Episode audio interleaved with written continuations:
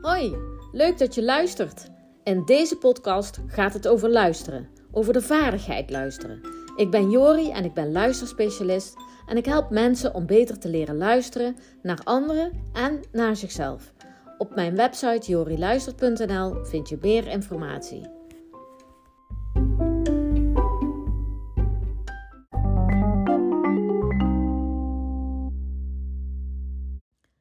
Dit is mijn eerste podcast en dat vind ik toch spannend.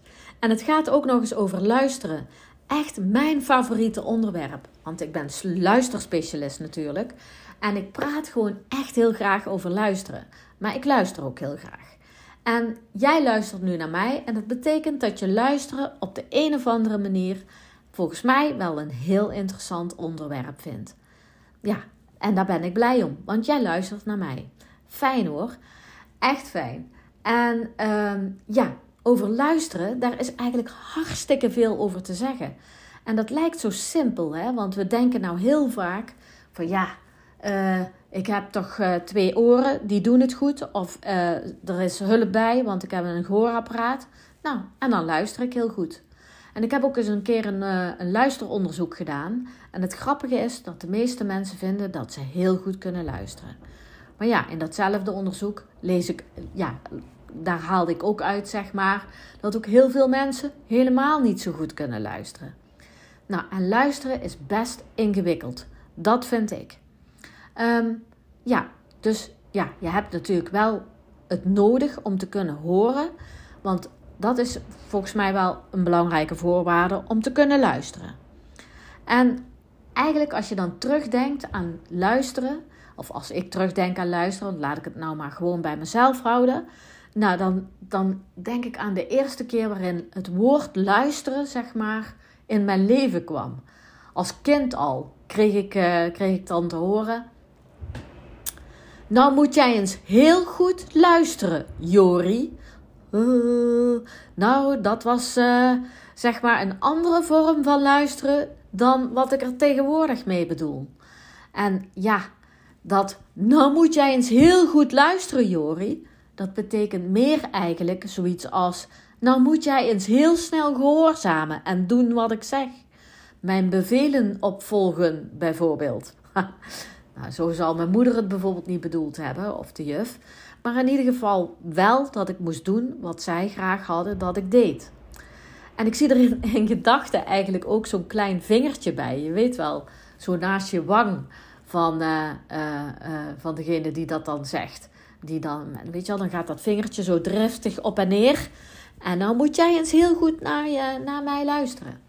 En ja, en als ik er nu zo aan terugdenk, weet je, dan, dan, dan is eigenlijk de eerste betekenis die ik aan het woord luisteren heb meegegeven, is eigenlijk dat het helemaal niet zo'n leuk werkwoord is. Want ik moest iets opvolgen. En dat is het, een werkwoord. Ik moest iets doen. Ik moest het opvolgen. Maar eigenlijk is luisteren een vaardigheid en hartstikke complex. Dat in ieder geval ook. En het gekke is, het woord luisteren heb je ongeveer in je basisschoolleeftijd honderdduizend keer gehoord. Jij moet luisteren.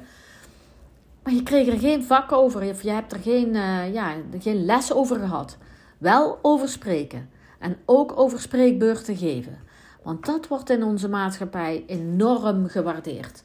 Veel meer dan kunnen luisteren, vind ik. Want ja, als we maar goed kunnen spreken, net zoals in die praatprogramma's, als je de een, uh, de een nog slimmere dingen zegt dan de ander, of je troeft elkaar af, nou, dat is een vorm van spreken. Dat wordt, ja, dat vinden we natuurlijk allemaal hartstikke leuk. Maar luisteren, ja, dat is wat anders. Misschien bij zomergasten, daar wordt ook heel goed geluisterd. En dat is best wel een, eigenlijk een mooi voorbeeld, dat zomergasten.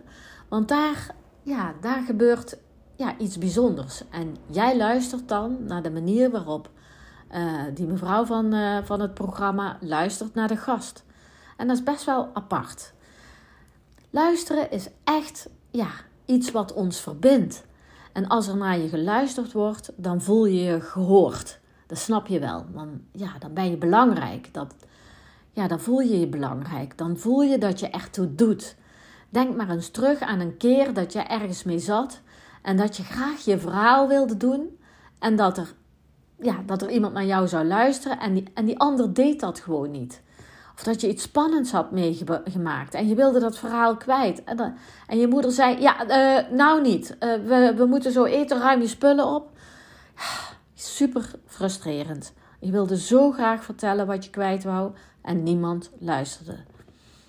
En het kan bijvoorbeeld trouwens ook gebeuren dat iemand dan met zijn eigen verhaal komt. Dat jij dan bijvoorbeeld zegt van, oh, ik heb toch straks iets meegemaakt. Daar straks, oh, ik heb een ongeluk meegemaakt en ik heb het gezien. En, en dat die ander dan zegt, oh, ik heb vorige week ook een ongeluk gezien. Drie doden. Altijd erger.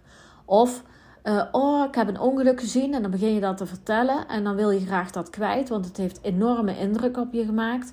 En die ander zegt dan: Weet je wat je moet doen? Je moet het van je afschrijven. Hè? Dan krijgt het een plekje. Hmm. Voelde jij je toen gehoord? Ik denk dat je je eerder in de steek gelaten voelde. Echt heel vervelend. Dus luisteren is, luistert best wel nauw. best wel grappige woordspeling. Ja, het luistert nauw om goed te luisteren. Nou, het zal niet voor niks zijn dat daar een soort van uh, ja, gezegde over is. Luisteren, uh, dat hebben we nodig. Zeker uh, wij kuddedieren. We hebben dat nodig, ook om lessen te leren, maar ook om het gevoel te hebben erbij te horen. Denk er maar eens aan hoe heel vroeger, zeg maar, toen we nog aan het jagen waren en bij een kampvuur zaten, dan werden de, de verhalen doorgegeven aan elkaar. En dan werd er naar je geluisterd en dan werd er, ja, het was ook iets om iets te leren, maar ook dat je ertoe deed. En dat je het gevoel had bij die groep te horen. En als er niemand naar je luistert, echt helemaal niemand, hoe eenzaam voel je je dan? En er zijn veel mensen die zich eenzaam voelen.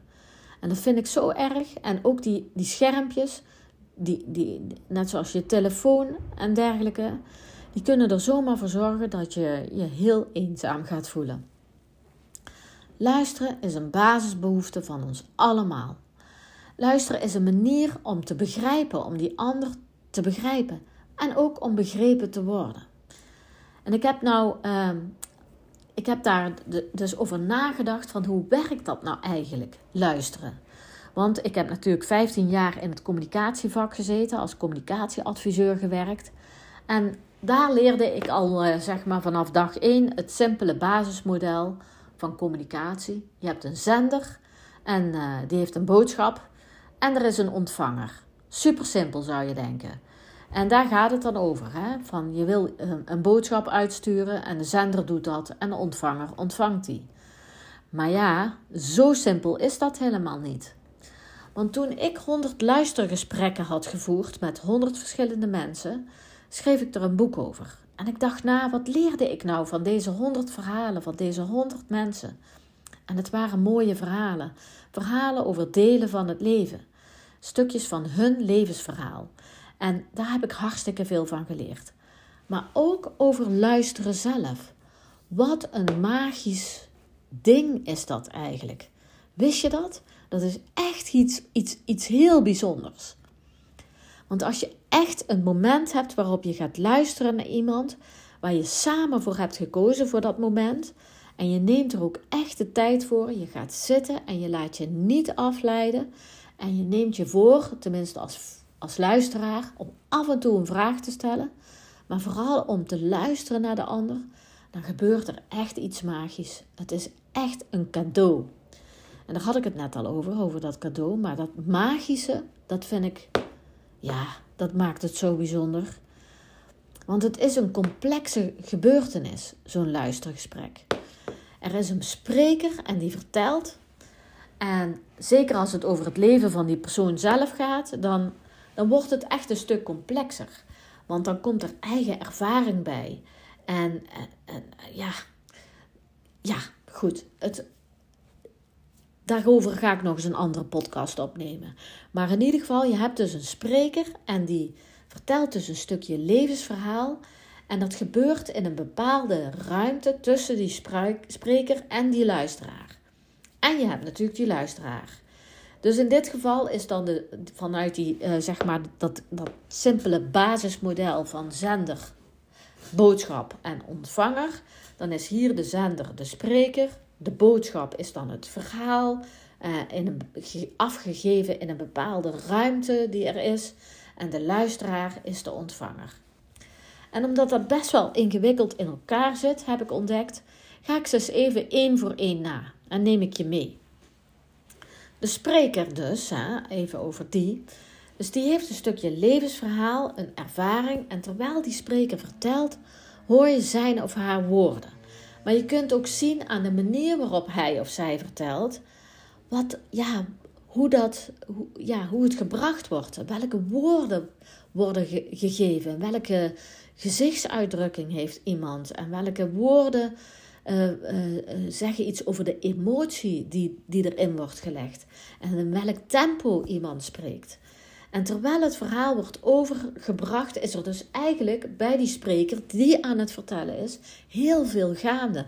Want die legt daar gevoel in en emotie en nadruk en, en snelheid of, of juist het andere langzaam tempo. Maar ook bij die luisteraar gebeurt een heleboel, want die heeft een eigen frequentie waarop dat verhaal binnenkomt. Woorden worden geïnterpreteerd. Er is wel of geen herkenning. En misschien ontstaat er wel een oordeel terwijl je luistert. Vooral als er geen herkenning is, hebben we dat. Dat, vertel ik ook nog wel eens een keer, hoe dat zit.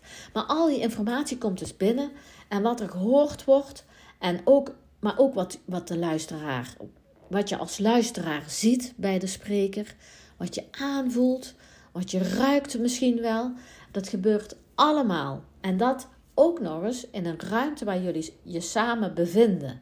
Want zeker als het ja, een fysiek gesprek is, je ziet elkaar, je kunt naar elkaar kijken, dan heb je een bepaalde ruimte waarin dat gesprek plaatsvindt. En, en die fysieke ruimte, maar ook de radiofrequentie waarop je ja, waarop je elkaar vindt, dat, uh, dat is heel belangrijk om zeg maar, uh, ja, ja, het, het, het te vinden bij elkaar. Want als die fysieke ruimte rustig is en aangenaam, dat je in prettige stoelen zit bijvoorbeeld, en er geen stoorzenders zijn, zoals je telefoon moet uit zijn en de kinderen die mogen niet binnenkomen rennen, gewoon helemaal rustig, een lekkere, aangename Sfeer is er, fijne stoelen, kopje koffie erbij. En als je elkaar dan vindt op die gelijke radiofrequentie, dan vind je elkaar, zoals ik dat noem, op hartniveau. Dan gebeurt er echt iets magisch. Hoe goed je elkaar ook kent of niet kent, er is dan iets veranderd. Voor altijd. En ik heb dat ook echt gevoeld met die honderd mensen die ik sprak tijdens de koffiegesprekken die ik voerde. Ik noemde het een koffiegesprek omdat we er echt voor gingen zitten en die rust hadden gecreëerd en, en dat ik kon luisteren en, en ook vragen kon stellen. Want luisteren is veel meer dan stil zijn. Honderd mensen waarmee de relatie voor altijd is veranderd. Zo ervaar ik het echt. En al die honderd mensen, die zitten met hun stukje verhaal in mijn hart. Want we raakten elkaar. Doordat ik luisterde luisterde naar hun en doordat zij zich gehoord voelden. Heel bijzonder. En als jij nou ook graag eens wilt dat er iemand naar jou luistert, omdat je ergens mee zit, of omdat je ergens gestrest over bent, of gewoon omdat je lekker van je af wil kletsen, eens een keer jouw verhaal wil doen, weet dan dat ik luister. Jori luistert. En ik heb daarvoor in de week van 2 tot en met 5 mei alle dagen helemaal geblokt zodat jij uh, uh, een uur met mij kunt praten. Dat we samen, dat, en ik luister naar jou. En dat kun je doen door een link. Je kunt dus zelf die afspraak inplannen als je dat wil. Door de link te volgen uh, die bij deze podcast hoort. En dan luister ik naar jou. Vier dagen lang heb ik daarvoor voor vrijgemaakt.